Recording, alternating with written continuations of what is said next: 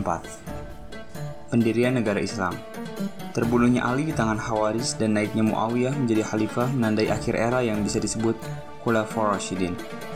Bentuk pemerintahan dan masyarakat Islam berubah secara mendasar selama 19 tahun pemerintahan Muawiyah sejak 661 hingga 680 Masehi.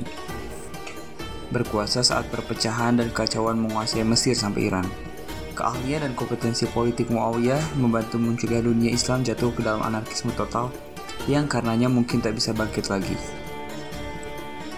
Tetapi, pada saat yang sama, beberapa kebijakan dan tindakannya cukup kontroversial, sehingga menjadi dasar perpecahan terbesar dalam dunia Islam sekarang. Kekuatannya menandai awal kekhalifahan Umayyah ketika suksesi khalifah diputuskan berdasarkan keturunan dan tetap berada dalam keluarga Umayyah sampai 750 Masehi. Kemudian digantikan oleh keluarga tua di Mekah yang lain, Abbasiyah.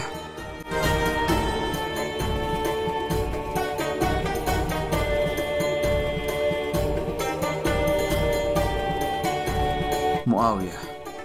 Meskipun sudah ada usaha lewat arbitrase, solusi nyata bagi perselisihan antara Ali dan Muawiyah tak pernah terjadi. Tahun terakhir, Khalifahan Ali ditandai perpecahan de facto antara kuasa Muawiyah dan Ali. Tetapi, dengan wafatnya Ali, Muawiyah bebas memperluas kekuasaan di wilayah-wilayah yang sebelumnya setia pada Ali dan menyatukan dunia Islam di bawah pemerintahnya.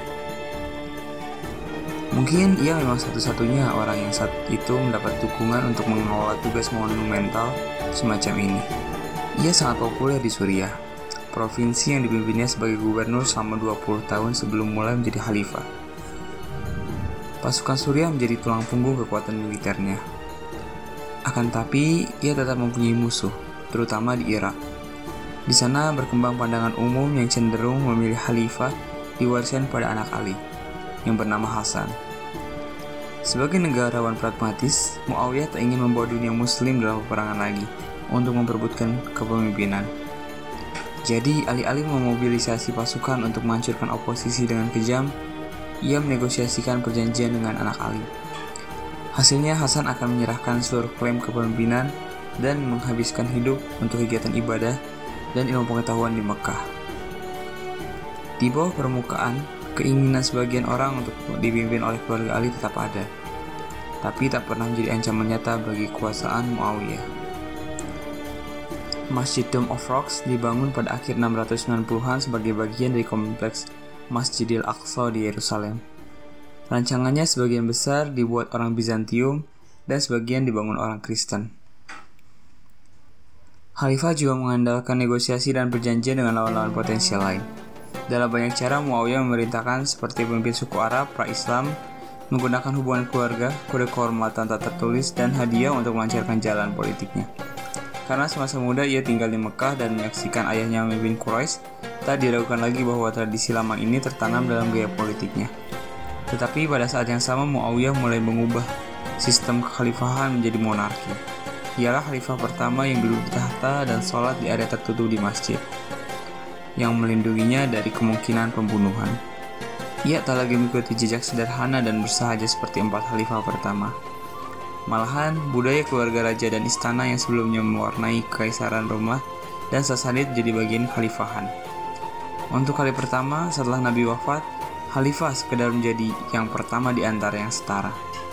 Dan banyak kisah bertahan tentang asketisme Empat pemimpin awal, seperti Umar yang tak dikenali orang biasa atau menolak pengawalan khusus, Muawiyah menjembatani kekhalifahan sederhana sebelumnya dan monarki sesudahnya.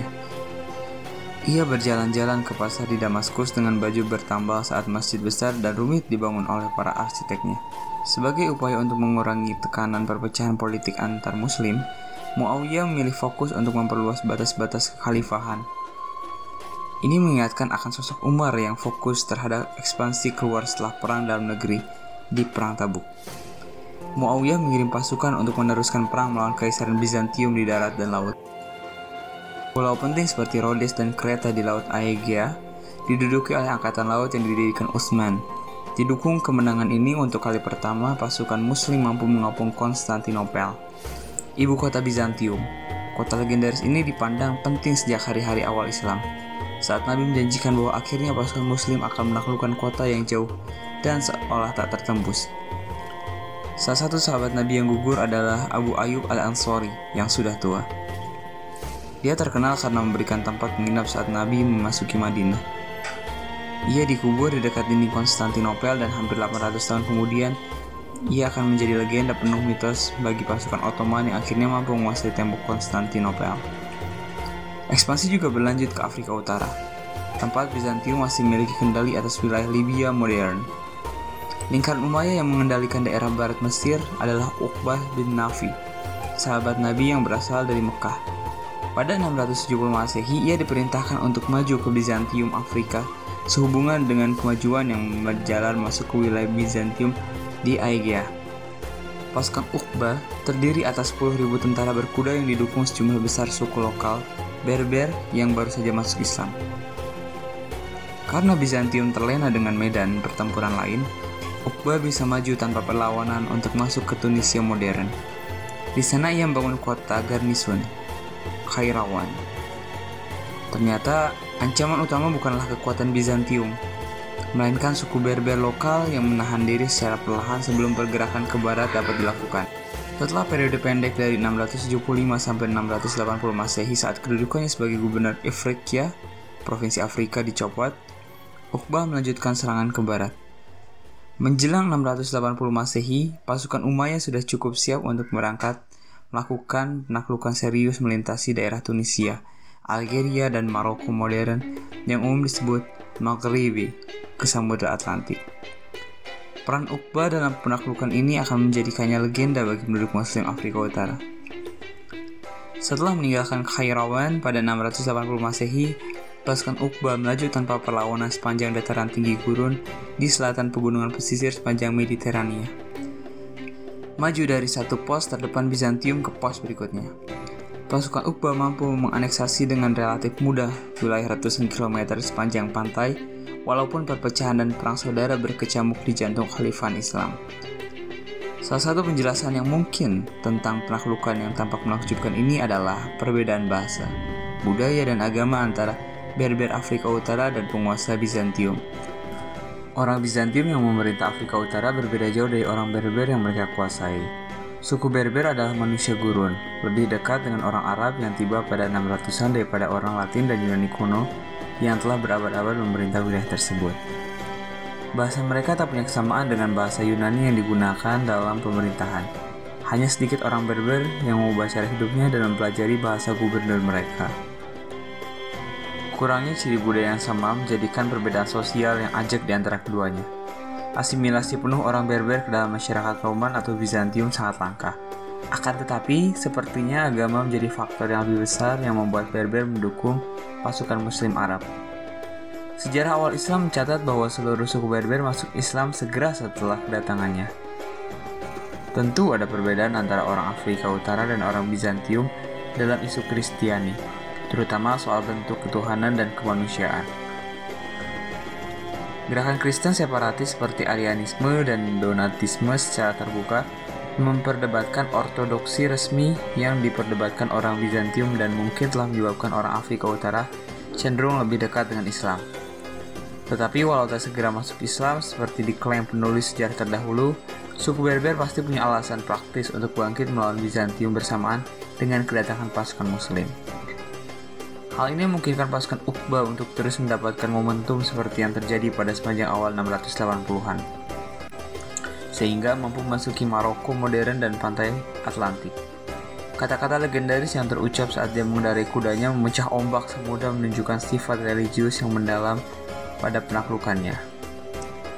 Ya Allah, jika laut ini tak dapat menahanku, aku akan melintasi daratan seperti Alexander Agung, mempertahankan agamamu dan memerangi orang kafir. Benar atau tidaknya ia mengucapkan kata-kata itu tak sepenting gambaran heroik yang muncul dalam pikiran berbagai generasi pemimpin militer yang akan membangkitkan Islam Maghribi.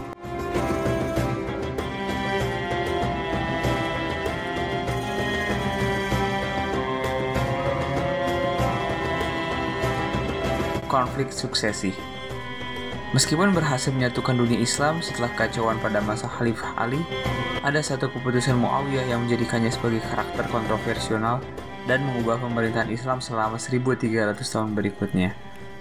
Ia menunjuk Yazid anaknya sebagai penerus, tepat sebelum wafat dan menutup sumpah setia dari orang-orang terkemuka di Damaskus. Ahli sejarah Islam sepanjang waktu berspekulasi mereka-reka alasan Muawiyah melakukan itu, terutama mempertimbangkan oposisi terhadap Yazid.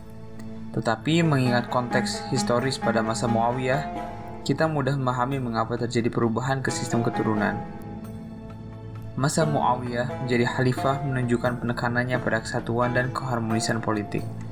Setelah pergolakan politik pada masa Khalifah Ali, tantangan utama Muawiyah menjaga dunia Islam berpadu di bawah satu pemerintahan. Walaupun ia sukses besar, tak ada jaminan seluruh khalifah berikutnya mampu memanfaatkan ancaman luar atau manuver politik untuk meminimalisir perpecahan internal. Dengan demikian, Muawiyah merasa bahwa satu-satunya cara untuk melindungi persatuan dan keharmonisan adalah dengan memotong kemungkinan perang suksesi dan menjadikan khalifahan berdasar keturunan. Akan tapi seperti yang telah terjadi, pemilihan Yazid bukannya tanpa kontroversi. Tak seperti ayahnya, Yazid belum pernah mengenal langsung Nabi dan tak memiliki aura yang terlihat pada para sahabat. Selain itu ada rumor yang beredar di kota suci Mekah dan Madinah tentang kehidupan Yazid yang penuh dosa. Alkohol, garis penyanyi, dan kemewahan berlebihan mengiringi kehidupan Yazid. Jauh dari gaya hidup, beriman, dan sederhana seperti yang didakwakan Nabi. Benar atau tidak, tuduhan ini cukup bagi sebagian orang untuk memberontak. Seperti Abdullah bin Al-Zubair, anak Zubair yang menantang Ali, Permasalahan bertambah pelik karena sebagian orang di Irak ingin menyaksikan keturunan Ali mendapatkan gelar khalifah di dunia Islam. Hasan anak tetu Ali sudah wafat di Mekah pada masa pemerintahan Muawiyah. Maka dukungan pun jatuh ke tangan Hussein adiknya. Cucu Nabi Muhammad ini tertarik dengan kota Kufa di Mesopotamia karena janji dukungan penduduknya. Menentang saran Abdullah bin Zubair yang memperingatkannya bahwa orang Irak akan membelot begitu ada kesempatan. Hussein bersiap mendirikan basis di Irak pada 890 Masehi agar dapat menantang Umayyah di Suriah. Seperti yang dilakukan ayahnya 25 tahun lalu. Saran Abdullah terbukti tepat. Penduduk Kufa melepaskan dukungannya kepada Hussein, bahkan sebelum ia sampai. Yazid telah mengirim gubernur baru ke kota tersebut untuk membasmi setiap oposisi dan memastikan penduduk tidak bangkit memberontak melawannya. Tampaknya aksi unjuk rasa kekuatan Yazid telah mendesak penduduk kota untuk mengingkari janji dukungannya kepada Hussein. Padahal Hussein mengandalkan dukungan tersebut dan berpergian ke Kufah hanya dengan sekedar 70 anggota keluarga dan sahabat. Hampir tak mungkin punya kekuatan untuk menggulingkan Yazid. Di padang Karbala yang berjarak sekitar 80 km di utara Kufah, Hussein dikepung oleh kekuatan Yazid yang kemudian membunuh dia dengan pengikutnya. Perang Karbala nantinya menjadi salah satu legenda tentang pendirian aliran baru yang berbeda, Syiah. Pemberontakan Abdullah bin Zubair tak lebih baik hasilnya. Setelah membunuh Hussein, masyarakat di dunia Islam umumnya mendukung perlawanan terhadap pemerintahan Umayyah. Lagi pula, Hussein adalah cucu kesayangan Nabi. Pembunuhan keturunan Nabi mengejutkan banyak pengikut yang saleh. Abdullah menggunakan oposisi terhadap Yazid untuk mendukung pemberontakannya sendiri melawan Bani Umayyah. Ia mengatakannya di Mekah pada 680 Masehi. Dengan dukungan semacam itu, pemberontakan Abdullah tak bisa ditumpas semudah Hussein. Bahkan Yazid tak pernah mampu memadamkan pemberontakan di Hijaz dan meninggal pada 683 Masehi tanpa kuasaan penuh di Khalifahan. Setelah kematian Yazid, kendali Bani Umayyah seolah runtuh di mana-mana di dunia Islam. Penerus Yazid, seorang anak muda yang sepertinya tak tertarik pada pemerintahan, Abdullah menyatakan diri sebagai khalifah dan mendapat sumpah setia dari penduduk Irak, Mesir, dan bahkan golongan pinggiran Suriah itu sendiri. Akan tetapi, melalui perpaduan antara politik kesukuan dan pertempuran terbuka, Bani Umayyah mampu mengambil alih kendali khalifahan di bawah Marwan, salah satu keponakan Muawiyah. Di bawah Marwan dan anaknya, Abdul Malik, Bani Umayyah mengambil kembali kendali atas Suriah, Mesir, dan Irak dan akhirnya memadamkan pemberontakan Abdullah bin Zubair di Mekah pada 692 Masehi. Bani Umayyah bangkit dari ancaman kepunahannya untuk memperoleh kembali kendali penuh atas kerajaan Muslim. Ini pasti bukan kedamaian dan keselarasan yang diharapkan Muawiyah saat menunjuk putranya sebagai khalifah. Akan tapi begitu Bani Umayyah mengambil kendali, periode perang saudara antara 680 dan 692 Masehi seperti tak lebih dari cikukan kecil. Pada akhir 600-an dan awal 700-an, Bani Umayyah melanjutkan periode kedua ekspansi militer cepat dan pertumbuhan ekonomi yang menandingi periode mana pun dalam sejarah Islam, sebelum dan sesudahnya. Fakta bahwa Bani Umayyah menaklukkan sebagian besar Iberia hanya dalam waktu 4 tahun dengan beberapa ribu prajurit, menandakan bahwa mereka mendapat dukungan dari penduduk lokal.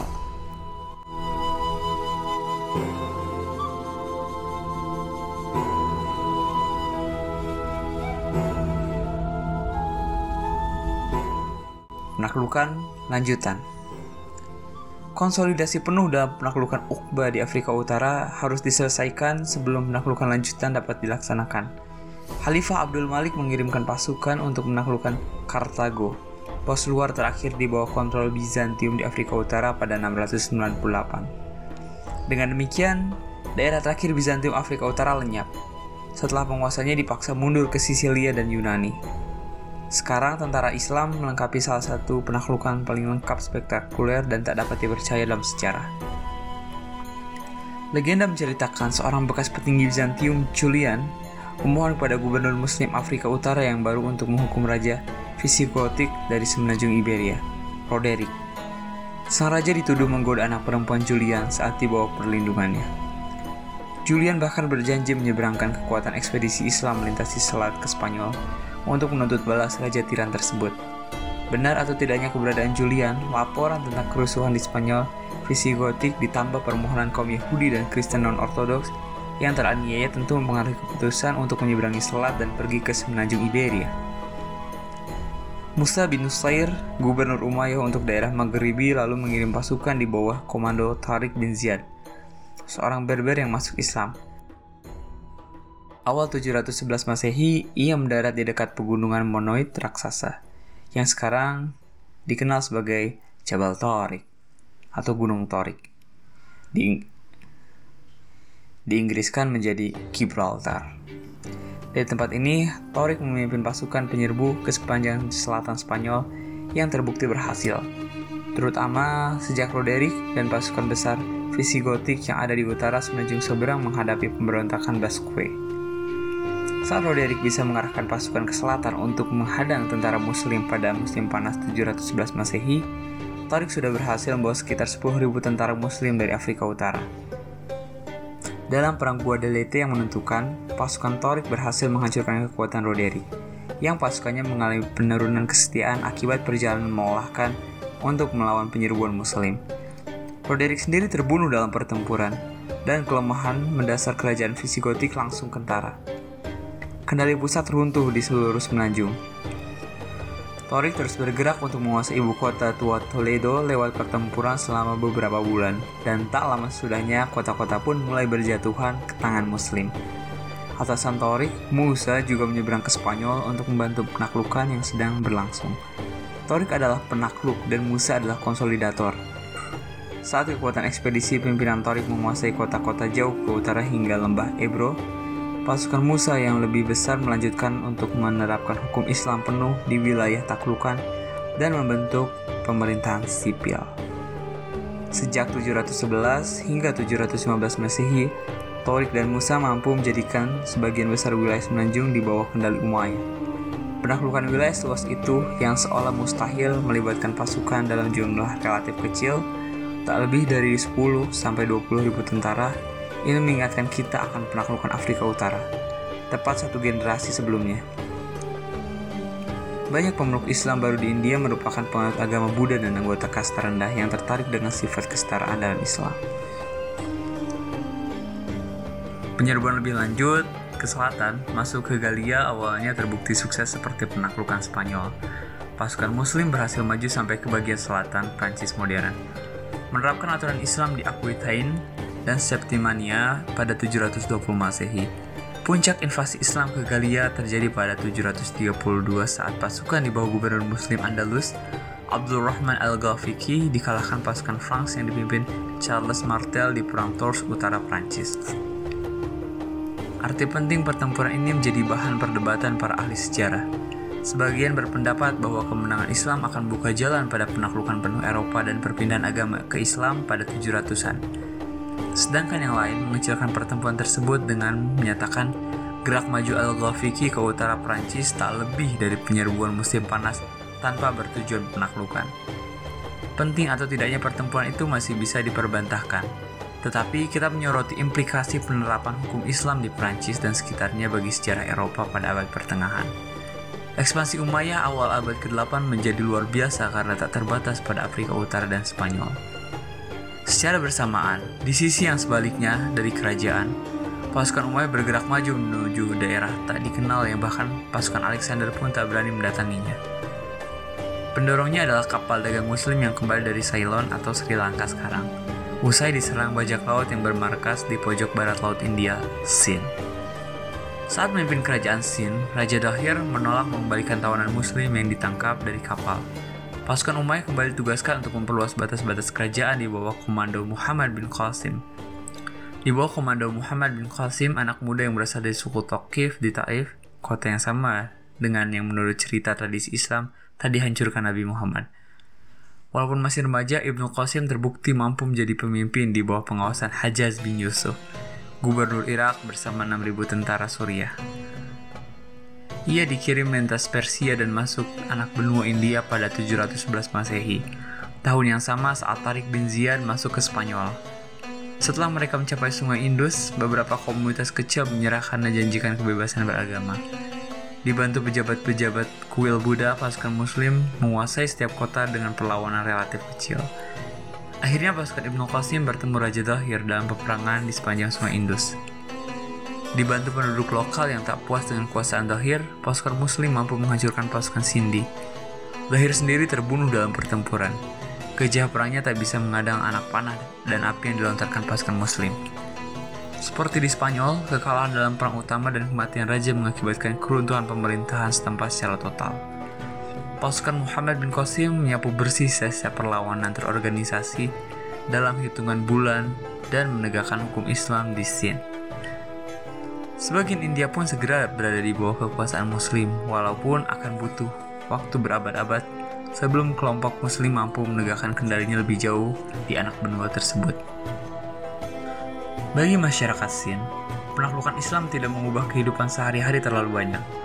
Berdasarkan nasihat atasannya di Irak, Ibnu Qasim memberikan kebebasan beragama bagi umat Buddha dan Hindu, seperti yang diberikan kepada umat Kristen dan Yahudi di tempat lain dalam dunia Islam oleh gubernur muslim yang baru, kuil dan patung yang dihancurkan dalam pertempuran boleh dibangun kembali.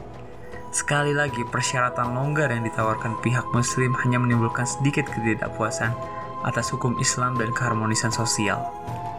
Pada pertengahan 700-an, Khalifah Umayyah membentang dari Spanyol sampai India dan menjadi kerajaan terbesar di dunia hanya dalam waktu 100 tahun setelah gerakan Islam dimulai di pegunungan di Mekah. Walaupun ekspansi dan penaklukan biasanya menjadi tanda pemerintahan yang kuat dan cakap, rencana untuk mengakhiri dinasti Umayyah tengah disiapkan saat pasukan Umayyah menuju wilayah yang tak dikenal. Sementara pemberontakan lain melawan Umayyah gagal, kali ini pemberontakan akan berhasil karena memanfaatkan banyaknya kelompok etnis yang berbeda-beda di bawah kontrol Islam dan merasa tidak puas dengan kebijakan sosial Umayyah. Ekspansi yang cepat berarti semakin banyak penduduk non-muslim yang berada di bawah kendali muslim. Persentase populasi penduduk muslim sejak awal hingga pertengahan 700-an diperkirakan hanya sekitar 10%. Sisanya campuran orang Kristen, Yahudi, Zoroaster, Buddha, dan Hindu. Menurut hukum Islam, kelompok-kelompok tersebut mendapat kebebasan beragama dan dibebaskan dari kewajiban militer dengan keharusan bayar pajak perseorangan atau jizyah. Sebaliknya, umat muslim hanya dikenai pajak tanah dan zakat pajak wajib yang akan dibagikan pada orang miskin. Walaupun biasanya lebih kecil daripada pajak Bizantium atau Sasanid pra-Islam, jizyah masih lebih tinggi daripada pajak yang dibayarkan orang muslim. Reaksi ekonomi yang alami terjadi adalah non-muslim masuk Islam agar membayar pajak lebih rendah. Tetapi solusi ini menimbulkan masalah bagi pemerintahan Umayyah.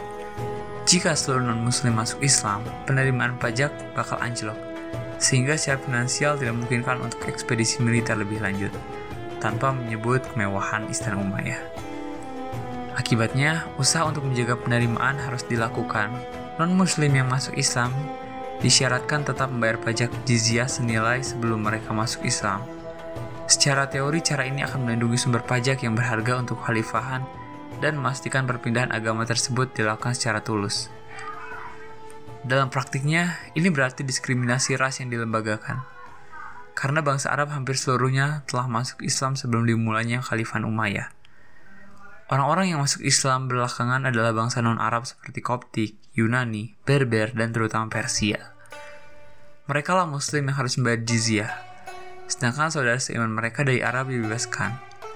Tujuan Umayyah mungkin hanya melindungi sumber pajak mereka, tetapi kebijakan ini akhirnya berkelindan dengan aspek rasial, membuat komunitas non-Arab tetap berada di lapisan bawah masyarakat, sedangkan Arab merangkak naik. Dari perspektif keagamaan, hal ini kontradiktif dengan seruan Nabi Muhammad saat haji perpisahan tentang persatuan. Ia menyatakan, tak ada orang Arab yang lebih baik daripada bukan Arab, dan tak ada orang bukan Arab yang lebih baik daripada orang Arab. Sebuah upaya pernah dilakukan Khalifah Umar bin Abdul Aziz untuk membatalkan kebijakan pajak yang tak islami selama masa kekuasaannya dari 717 sampai 720 Masehi. Walaupun reformasi ini sangat populer di kalangan non-Arab, ia tak dipercaya oleh keluarganya sendiri dan diracuni Bani Umayyah hanya dua tahun setelah berkuasa. Orang-orang Islam berikutnya memberi gelar kehormatan kepada Umar II sebagai Khulafaur Rasyidin kelima. Karena reformasi bernapaskan agama yang ia lakukan, tapi pada akhirnya kuasaannya tak lebih dari sekedar gangguan kecil bagi kebijakan Umayyah. Dengan semakin meningkatnya jumlah non-Arab yang masuk Islam, ketidakpuasan akan kebijakan pajak yang tak setara pun berkembang. Menunggangi gelombang ketidakpuasan ini, keluarga tua lain dari Mekah bangkit untuk mengambil alih kekhalifahan. Bani Abbasiyah Revolusi Bani Abbasiyah Bani Abbasiyah mendapatkan namanya dari paman Nabi, Abbas, yang menjadi kepala keluarga klan tersebut. Mereka bermukim di tanah sebelah timur sungai Yordan setelah menaklukkan Suriah dan secara umum menjauhkan diri dari politik saat perang saudara berkecamuk pada 600-an. Akan tapi pada awal 700-an, mereka mulai mengembuskan rumor bahwa salah satu keturunan Ali secara resmi telah memindahkan hak kekuasaan kepada Bani Abbasiyah. Mengapa ia melakukannya atau apakah memang itu terjadi? Masih merupakan misteri. Dari sudut pandang praktis, hal ini memberikan legitimasi kepada Bani Abbasiyah. Mereka tak hanya lebih dekat hubungannya dengan Nabi daripada Bani Umayyah, tapi juga mengklaim akan menegakkan keinginan kalangan yang mendukung keturunan Ali sebagai pemimpin dunia Islam. Dari wilayah basis di selatan Suriah, kemudian Irak, mereka mengirim wakil-wakil ke Khurasan di timur. Di sana penduduk Persia dapat digerakkan untuk mendukung pemberontakan melawan Bani Umayyah yang menindas. Sepanjang 730-an dan 740-an, diucapkanlah sumpah setia jaringan sekutu yang jauh dari basis Bani Umayyah di Damaskus. Bani Abbasiyah memberikan janji masyarakat yang lebih setara di bawah khalifahannya dan secara samar menjamin keturunan Ali akan memainkan peran lebih besar dalam pemerintahan Islam, sesuai keinginan banyak muslim di bagian timur khalifahan. Dengan begitu, Bani Abbasiyah mampu mengamankan dukungan berbagai kalangan masyarakat. Sokongan datang antara lain dari ahli ibadah yang ingin menyaksikan pemerintahan yang lebih mengikuti teladan Nabi. Selain itu, ada kelompok non-Arab Muslim yang marah atas status kelas 2 mereka, Terakhir, pengikut Ahlul Bait yang meyakini bahwa seharusnya kuasaan menjadi milik keluarga Nabi. Pada 747 Masehi, Bani Abbasiyah secara resmi menyatakan pemberontakan terbuka, mengibarkan bendera hitam khusus di langit kota Merv, jauh timur di dunia Islam yang sekarang bernama Turkmenistan. Revolusi ini dipimpin tokoh misterius yang dikenal sebagai Abu Muslim. Tak banyak yang diketahui tentangnya, tetapi ia memang tak tampak sebagai anggota keluarga Abbasiyah dan mungkin berasal dari etnis Persia. Di bawah kepemimpinannya di bidang politik dan militer yang brilian, revolusi Bani Abbasiyah dengan cepat bisa mengambil kendali Khurasan yang segera menjadi basis pergerakan. Abu Muslim mengirim pasukan ke arah barat, masuk ke jantung Persia. Di sana, penduduk lokal Muslim bangkit melawan Umayyah dan bergabung dengan semangat revolusioner. Situasi yang awalnya terlihat sebagai ungkapan ketidakpuasan yang tak berbahaya di Merv, kini mengancam eksistensi dinasti Umayyah, terutama saat pasukan Abbasiyah keluar dari Persia dan masuk ke dunia Arab. Kufa yang pernah menjadi pusat sentimen anti Umayyah mulai bangkit lagi melawan gubernur Umayyah dan mengusirnya saat bendera hitam Abbasiyah tampak di horizon timur. Begitu Kufa dibebaskan, pengambilan sumpah setiap formal dapat dilakukan kepada calon khalifah dari Abbasiyah, Abu al-Abbas. Revolusi ini punya tujuan jelas, dukungan luas dari seluruh Persia, kemudian seorang pemimpin untuk menyatukan semuanya. Di setiap tempat, Umayyah berada dalam posisi bertahan saat semakin banyak orang berkumpul mendukung Abbasiyah. Sementara itu, upaya membangkitkan pendukung Umayyah ternyata bukan perkara mudah. Sudah beberapa dekade berlalu sejak ancaman nyata terhadap posisi Umayyah mulai muncul. Tetapi, pejabat pasukan Suriah hanya berdiam diri dan dengan keliru menganggap kekuatan revolusi itu perlahan-lahan akan surut. Saat Khalifah Marwan II berhasil mengumpulkan kekuatan Umayyah, Abbasiyah telah mengambil kendali atas sebagian besar Irak. Pada awal 750 Masehi dalam Perang Zab di Mesopotamia Tengah, kekuatan Abbasiyah berhasil memukul mundur pasukan Umayyah. Perlawanan terorganisasi terhadap Abbasiyah secara efektif berakhir setelah perang tersebut. Seiring runtuhnya kendali Umayyah di seluruh dunia Islam, kini tak ada penghalang antara Abbasiyah dan ibu kota Umayyah, Damaskus. Satu demi satu, kota-kota menyerah dan menerima kedaulatan Abbasiyah, satu demi satu anggota keluarga Umayyah dibunuh dan dihukum mati, Marwan sendiri tertangkap di Mesir, tempat ia gagal mengumpulkan pasukan yang akan memukul mundur Abbasiyah dan mengembalikan kendali Umayyah. Hanya satu anggota keluarga Umayyah yang berhasil lolos dari revolusi, Abdurrahman yang masih remaja, anggota keluarga Umayyah yang relatif tak dikenali, mampu lolos dengan menyamar ke Afrika Utara. Ia dikejar-kejar pasukan Abbasiyah dari Palestina ke Mesir sampai Maghribi, dan hanya dikawani oleh budak yang pernah bekerja untuk keluarganya. Perjalanan legendarisnya membawanya sampai ke Andalus. Di sana ia akan mendirikan Emirat Umayyah, jauh dari jangkauan Abbasiyah, yang akan bertahan hampir selama 300 tahun.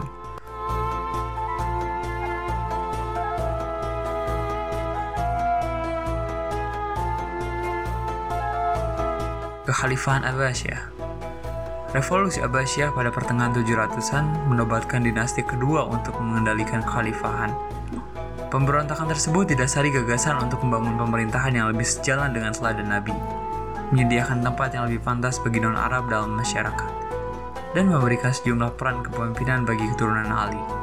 Janji-janji besar dan idealistis tersebut memang perlu untuk menggalang dukungan beragam grup yang membuat revolusi ini berhasil. Tetapi begitu Abbasiyah berkuasa, realitas kekhalifahan mereka tak seperti yang diharapkan. Revolusi ini tak serta-merta membuat dunia Islam kembali ke era Khulafaur Rasyidin, ketika kesalehan bukan politik yang mendikte keputusan khalifah. Sebaliknya, Khalifah Abbasiyah meneruskan tradisi otoritarian yang sama dengan yang mereka cela dari Umayyah. Khalifah tetap menjadi gelar keturunan milik keluarga Quraisy dan mereka yang mendukung keluarga Ali sebagai khalifah ditinggalkan begitu saja tanpa dipenuhi janjinya.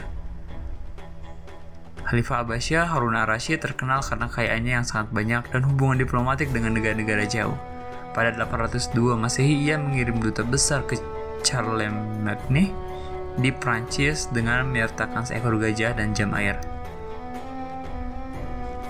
Satu hal yang benar-benar dimajukan Bani Abbasiyah adalah peran non-Arab dalam masyarakat.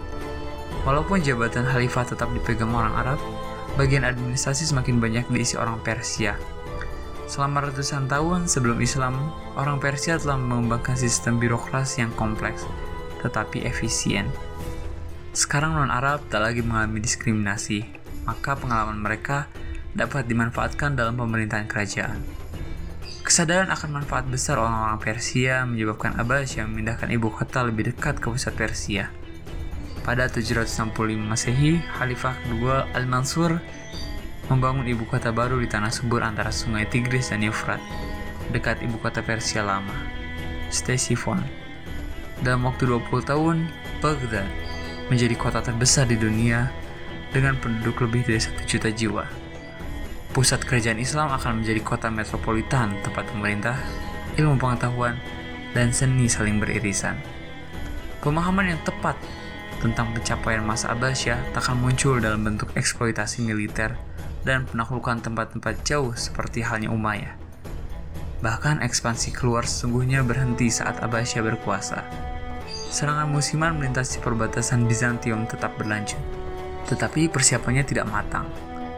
Di barat, Perang Tours pada 732 Masehi dalam masa Umayyah menyebabkan berhentinya ekspansi Muslim ke Eropa dan konsolidasi kekuatan di Andalusia menjadi fokus utama pengungsi Umayyah yang mengontrolnya. Di timur hanya ada sedikit tambahan keuntungan yang dihasilkan dalam serangan ke Asia Tengah.